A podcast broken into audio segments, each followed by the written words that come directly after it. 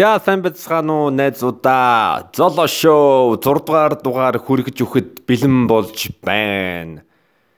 За Монголд энэ 7 хоног үйл эхэлсэн байна. За өөр өөр юм гэх юм бол за яг мэдээллийн чанарын мэдээ эхлээд хүргэе. За энэ подкаста бичснийхэн дараа би одоо 6 дугаараа Castbox дээр апплод хийн. Би яаж хийхээ одоо мэдгүй байгаа. Гэхдээ би ямар ч байсан өнөөдөр Castbox-т 6 дугаараа апплод хийн. Тийм болохоор комент бичижсэн хүмүүс Castbox дээр сонсож аваарэ. Одоо зөвхөн YouTube биш YouTube болон Castbox дээр миний подкастыг сонсох боломжтой.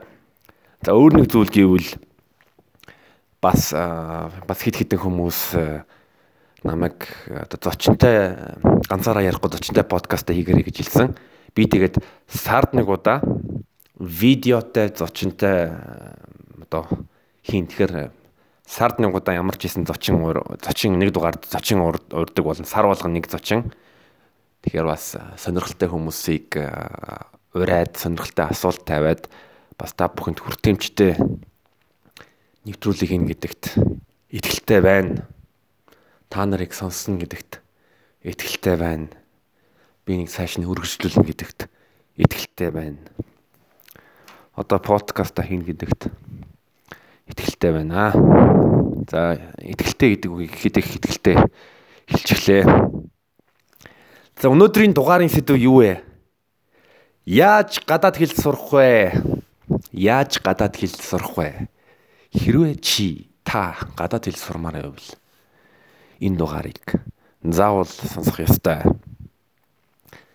За та нар энэ дугаарыг өөр анхны удаа сонсож байгаа хүмүүс асууж болно. Яагаад би чамайг сонсох ёстой? Яагаад гэвэл би пошт үссэн. Нэгдүгээрт. Хоёрдугаарт би Германд их сургуульд төгссөн, пошт 10 жилээ төгссөн, Хятадын Шанхайд шахаад бас нэг жил э, сурж байсан. Тэгээ би англи хэлний TOEFL-ийн шалгалт өгч ирсэн. Герман хэлний дээд сургуулийн э, төвшний шалгалтын сертификат байгаа. Хятад хэлний сертификат байгаа. Пош хэлний сертификат байгаа. Монгол хэлний сертификат байхгүй байна. Тэгэхээр би энэ тал дээр бол нэлээд дуршлагтай бас э, нэлээд нэлээд мэдлэгтэй гэдэгтэй бол бүрэн итгэлтэй байгаа тийм болохоор дүүнер минь залуучууд минь ах дүүс минь сайн ахын сургаалаас хуваалцаж аваарэ. За нэгдүгээрт би бол э, нэг юм анхааруулмаар байна. Хил нэвтрүүлэх бол амьд харилцаа. Ер нь зүгээр хил гэдэг үгийг орчуулангууд нэг амны нэг хэсэг байгаа ч тийм амны хэсэг одоо англиар бол tongue германаар Sprache, орсоор язык, пошоор язык.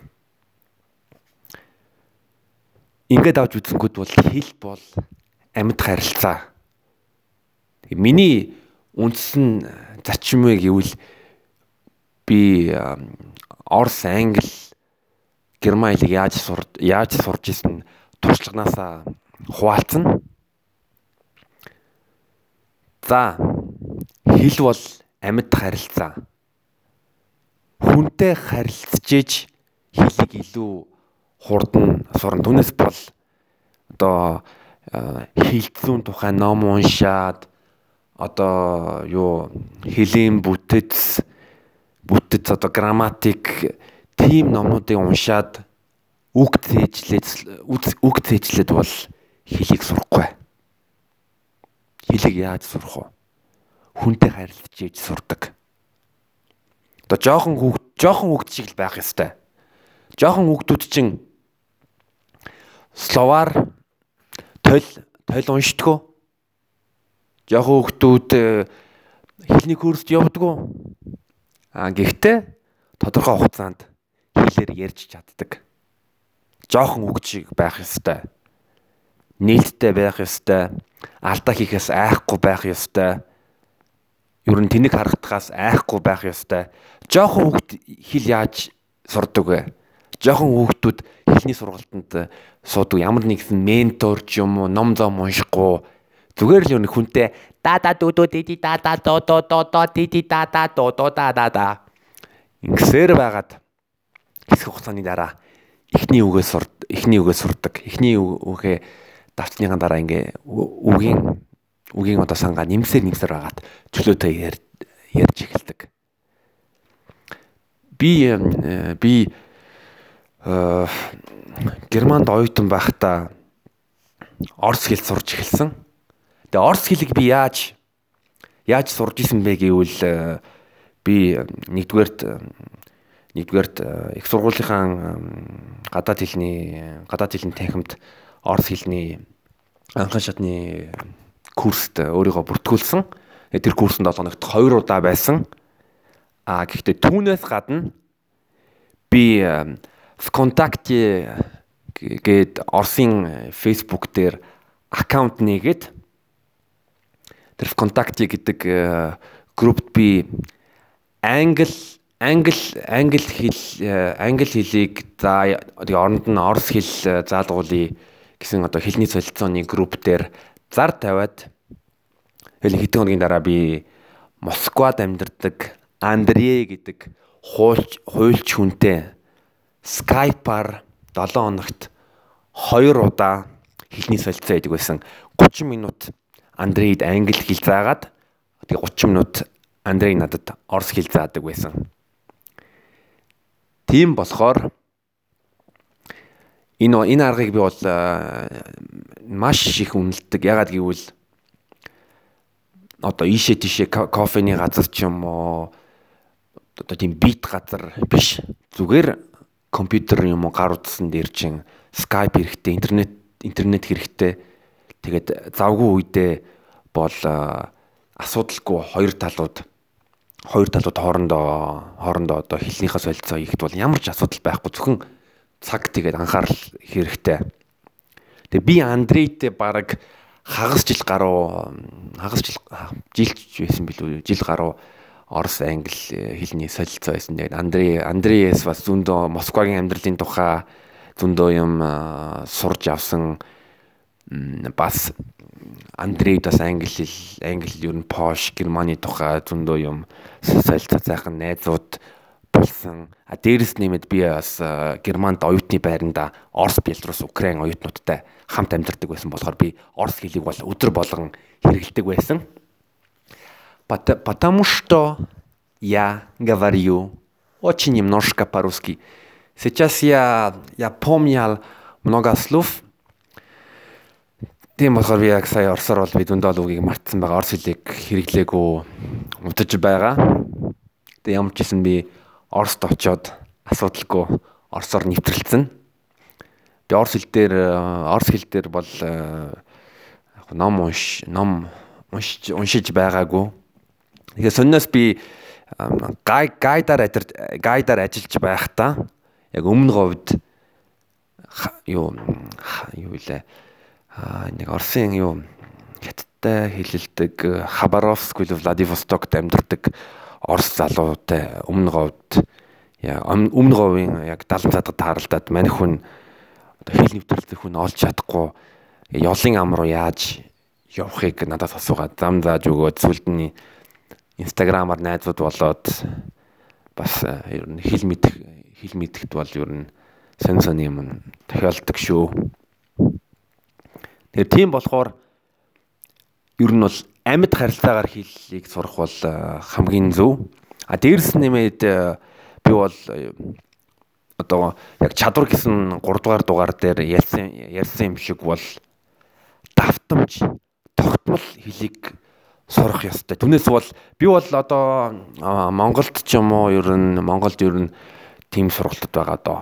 3 хоногт 600 үг сур. Би тийм сургалтанд бол хідээж сууж байгаагүй.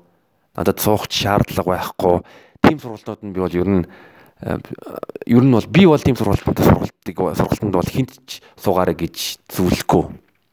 А би яагаад зөвлөхгүй вэ гэвэл миний хэл сурах хэрэг хэл сурах арга бол урт хугацаанд хэлийг сурдаг тогтмол давтчихэж түүнээс бол 3 хоног нэг нэг 600-г нүдэд нүдэд нүдэд сурна ачих. Би бол амьдралдаа 3 хоногт 600 үг сурж сурж байгаагүй би. Тэгээ би бас өөрийнхөө зөвхөн өөрийнхөө туршлагаас ярьж байгаа шүү. Өөрийнхөө туршлагаас ярьж нэг хоёр дахин хэлчихлээ. Гэхдээ яах вэ? Хүлцэл үчи. Хилийг бол хил хил сурах бол хизээч зогсохгүй. Энэ бол байнга явагддаг явагддаг процесс. Тийм болохоор одоо жишээлбэл 3 хоног сураад хилтэй болно гэсэн үг байхгүй. Хилээ бол байнга давтах ёстой. Тэгээ тийм болохоор бол энийг урт хугацааны тоглолт гэж боддог. Дор ээж жил 2 жил тогтмол сурж иж үр дүн гарч ирдэг. Жишээ нь би герман хэлийг 8 сар сурж иж 8 сарын төгсгөлт нь би герман хэлээр германчууд ч чөлөөдөө өөрийгөө илэрхийлж олон олон сэдвээр юм ярьж чаддаг болсон. Тийм болохоор хэл сурах бол урт хугацааны тоглоом. Хэл сур хэл сурахын төлөө бол тогтмол ашиглах ёстой. Тогтмол. Тийм болохоор Skype-аар Facebook гадаад солилцооны одоо зөндөө олон группүүд байгаа. Монгол хэл сурах гэж байгаа гадаад хүнийг ол тэр хүнтэйгээ англи хэлний англи тэр хүнээр англи хэл заалга эсвэл хүссэн хэлээ заалга монгол хэл монгол хэл заагаад англи хэл хүссэн хэлээ сур. А бас нэг чухал зүйл гэвэл э, би би хятад хэл сурахаас өмнө би юу н альва хэл сурахаас өмнө тэр э, улсынх нь түүх соёлын тухай номнууд уншдаг. Яагаад гэвэл түүхийн мэдээд соёлын мэдээд ер нь жоохон соёлын тал энэ тал дээр мэдлэг мэдлэгтэй олчих юм бол хэл сурахад ч бас илүү илүү гоё байдгийг. За эн чинь ийм арт түмэн, ийм түүхтэй, ийм соёлтой улс. Тэгээд ер нь соёлын ойлгонгууд ойлгонгууд бас нь илүү хэл сурахад бас илүү төхөн байдаг. Одоо жишээ нь Монгол монгол хэлийг чинь монгол монгол хэл түрк хэл хоёр бол зөндөө олон зөндөө олон төстэй үгтэй байдаг. Одоо жишээлбэл сандлыг түркээр сандали гэдэг, саримсыг түркээр сармисан гэдэг гих мэтчлэн түүнтэй адилхан түүнтэй адилхан одоо жишээлбэл Монгол Монголын монгол хэлд бол одоо мал аж ахуйтай холбоотой үгнүүд болно түрк байдаг. Жишээлбэл түрк түрк үгд одоо ан ан хийх холбоотой үгнүүд нь бол одоо жишээл монгол хэл монгол хэлийн одоо язгууртай байдаг гэж үздэг юм бэлээ Жишээ нь. За өөр чинь би үйлчилсэн мэ гэвэл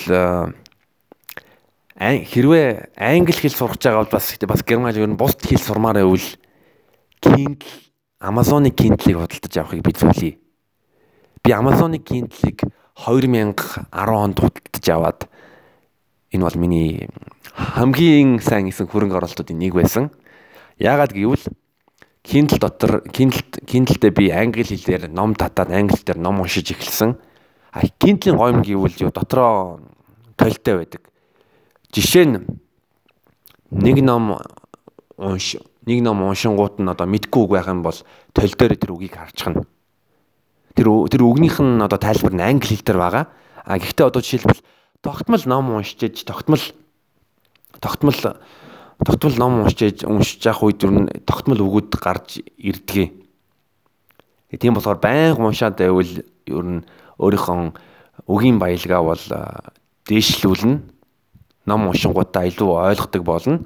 Гэхдээ бас нэг сул тал нь гэвэл одоо юмыг уншаад ойлгодог мөртлөө ярихад бол төгт. Одоо жишээлбэл хятад оюутнууд гадаадад э, бол ярьж чаддгүй тэгэнгүүт нь бичгээр бол үнэхээр супер байдаг алдаа малдаа идэггүй.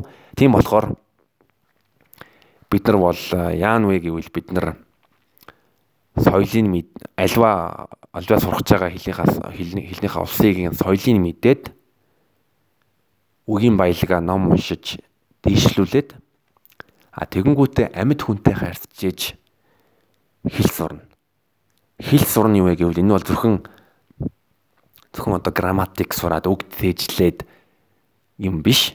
Энэ бол одоо жишээлбэл шинэ ертөнц нээгдэн одоо хэрвээ чи англи хэл заадаг Америкт байгаа хүнтэй хэлний солилцоо байх юм бол тэр хүний талаар тэр хүний амьдралын талаараа илүү мэдлэгтэй болно. Тэр хүний юу нь юу боддөг юм ба ямар үзэл бодолтой тэр талаар бол зөндөө олон мэдлэгтэй байна юу нь. Ийм болохоор амар ер нь гоё шүү. Би бол хятад хүнтэй хэлний солилцоо хийж байсан, пош хүнтэй хэлний солилцоо хийж байсан. Юу вэ гэвэл нэг пош охинд би монгол хэл заагаад тэр охин харин оронд надад Франц хэл зааж өгч ирсэн, зааж өгч ирсэн. Хятад түнтэй бол би сонин солилцоо хийж ирсэн. Надад хятад хэл заагаад би оронд нь пош хэл зааж өгч ирсэн. Гэх мэтчлэн. Тэгэд ер нь гадаад хэл дээр гадаад хэл дээр ном уншихад одоо англи хэл сурмаар явбал англи англи хэлний penguin гэдэг номнууд байдаг нэг 100-аас доош хуудастай. Тэгээд энэ пингвиний сурал номнууд нь бол ер нь гадаад хэл сурж байгаа хүмүүс зориулагдсан э, номнууд байдаг. Тэр номнууд нь маш энгийн хэлээр ойлгоход ч амархан, уншихад ч амархан номнууд байгаа. Ер нь пингвин сурлын номнуудыг уншаад баг багаар анхны шатанд байвал ер нь пингвиний номнууд уншаа. Тэгээ тэгээ дараа нь пингвиний нэг 5 6 ном уншингууд дараа нь одоо мэдгүй өөрөө одоо чиний хобби чинь юу юм магадгүй хөл бөмбөг юм бол хөл бөмбөгийн тухай нэг ном худалдаж аваад эсвэл Kindle дээр уншаад тэгээд 30 50 хуудастай богинохон ном уншиж байгаа тэрийг арай зузаан болгоод тэгж юм да түүнээс бол яг анх анх эхлээд хэл сурж байгаа бол хитрхи одоо шинжлэх ухааны ч юм уу эсвэл яруу найргийн дээжис мэжс тиймэрхүү номуудыг уншаад ёстой юм. Зүгээр нэг хүүхдийн ном уншаад өөрийнхөө өөрийнхөө хэлнийхаа суурийг тавьсан дээр. А бас нэг зүйл э, юу ярих гэсэн бэлээ би. Хэрвээ хэрвээ чи TOEFL юм уу эсвэл э, юу IELTS ч юм уу хэлний шалгалт өгмөр байвал зүүндөө олон мянган хүмүүс TOEFL IELTS өгч байгаа би би өөрөө бол TOEFL өгж байсан. Ер нь дийлэнх дийлэнх хэлний одоо жишээлбэл одоо TOEFL IBT ийм шалгалтууд нь юу вэ гэвэл одоо сонсох, уншаад ойлгох, ярих, бичих дөрвөн чадварыг шалгадаг. Тийм болохоор энэ дээр бас яг одоо TOEFL бэлтгэдэг сургалтанд суувал суу. Аа гэхдээ суухдаа бас ямар багш зааж өгье. Тэр багш чинь туршлагатай юу? Туршлагагүй юу? Тэр талаар ер нь судал. Түүнээс бол одоо жишээлбэл тэр сургууль одоо алдартай ч юм алдаргүй ч юм хамаагүй хамгийн гол нь багш багш нь ямар багш вэ? Шавнараас нь асуу. Тэр сургалтанд суусан суусан хүмүүсээс хүмүүс хүмүүсээс одоо жишээлбэл үнэлгээг нь асуу сонс хамгийн үнэтэй сургуулийг битгий сонго. Хамгийн хямдхан сургуулийг битгий сонс. Битгий сонго. Битгий сонс гэж хэлээ. Битгий сонсыг сонсоорой. Гоё подкаст шүү. Мм ер нь бол тийм дундаж сургууль сургууль сургалтын сургалтанд сууж болно. Гэтэ би бол одоо TOEFL бэлтгэхдээ бол ерөөсөө ямар ч сургалтанд сууж байгаагүй.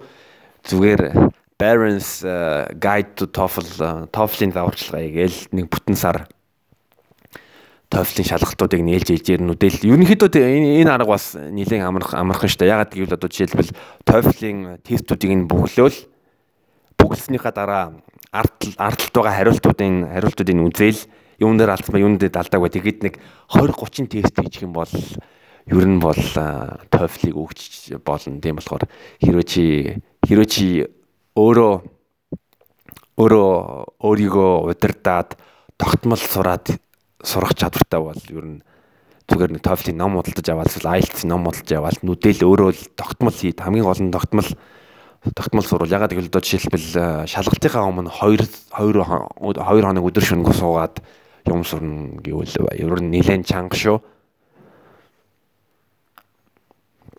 Тийм болохоор хэл бол амьд харилцаа хэл сурна гэдэг бол хизээч зогсохгүй өдөр бүр шинэ үг сурна. Би одоо жишээ нь Канадын тухай ном уншиж байгаа. Тэг Канадын Канадын түүхийн Канадын түүхийн тухай ном уншлаа. Concise Guide to Canada's History. Дээрээс нь мэд Японд 5 жил амьдарч исэн Канад хүний ном уншсан. Тэрний тэр ном нь бол амар хөгжилтэй нэртэй Why I Hate Canadians. Би яга Канадууд Канад хүмүүсийг үзэн яддаг вэ гэсэн номыг Канад хүн Канад хүн бичсэн би бол Канадын тал тухай бол нэлээд сонирхолтой юм сурж авлаа. Гэхдээ энийг бол подкастн дээр ярихгүй. За тэгээд яаж гадаад хэл сурах вэ талаар ярьлаа. Коммент бичээрэй.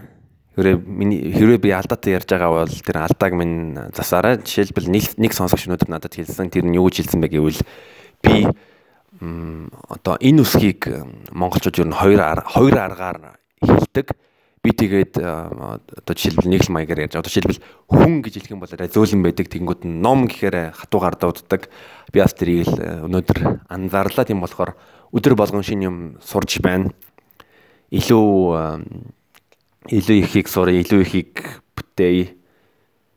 Хөдөлмөрлөе, хөдөлмөрлөлийн хөлсөө гаргая. За тэгээ та бүхэнд 7 хоногийн хамжилт хүсье. Залуу шоуын 6 дахь дугаар боллоо. Тэгээ харсан чинь би подкаст уучлаарай подкаст тэгээд нэг сар болчихлоо. Тэгээ дараагийн дугааруудаас э, илүү сонирхолтой юм ярихыг болно. Сайн ахын сурал бол үргэлжлэн тийм болохоор баярлаа. Дараагийн дугаар хүртэл түр баяртай. Бака.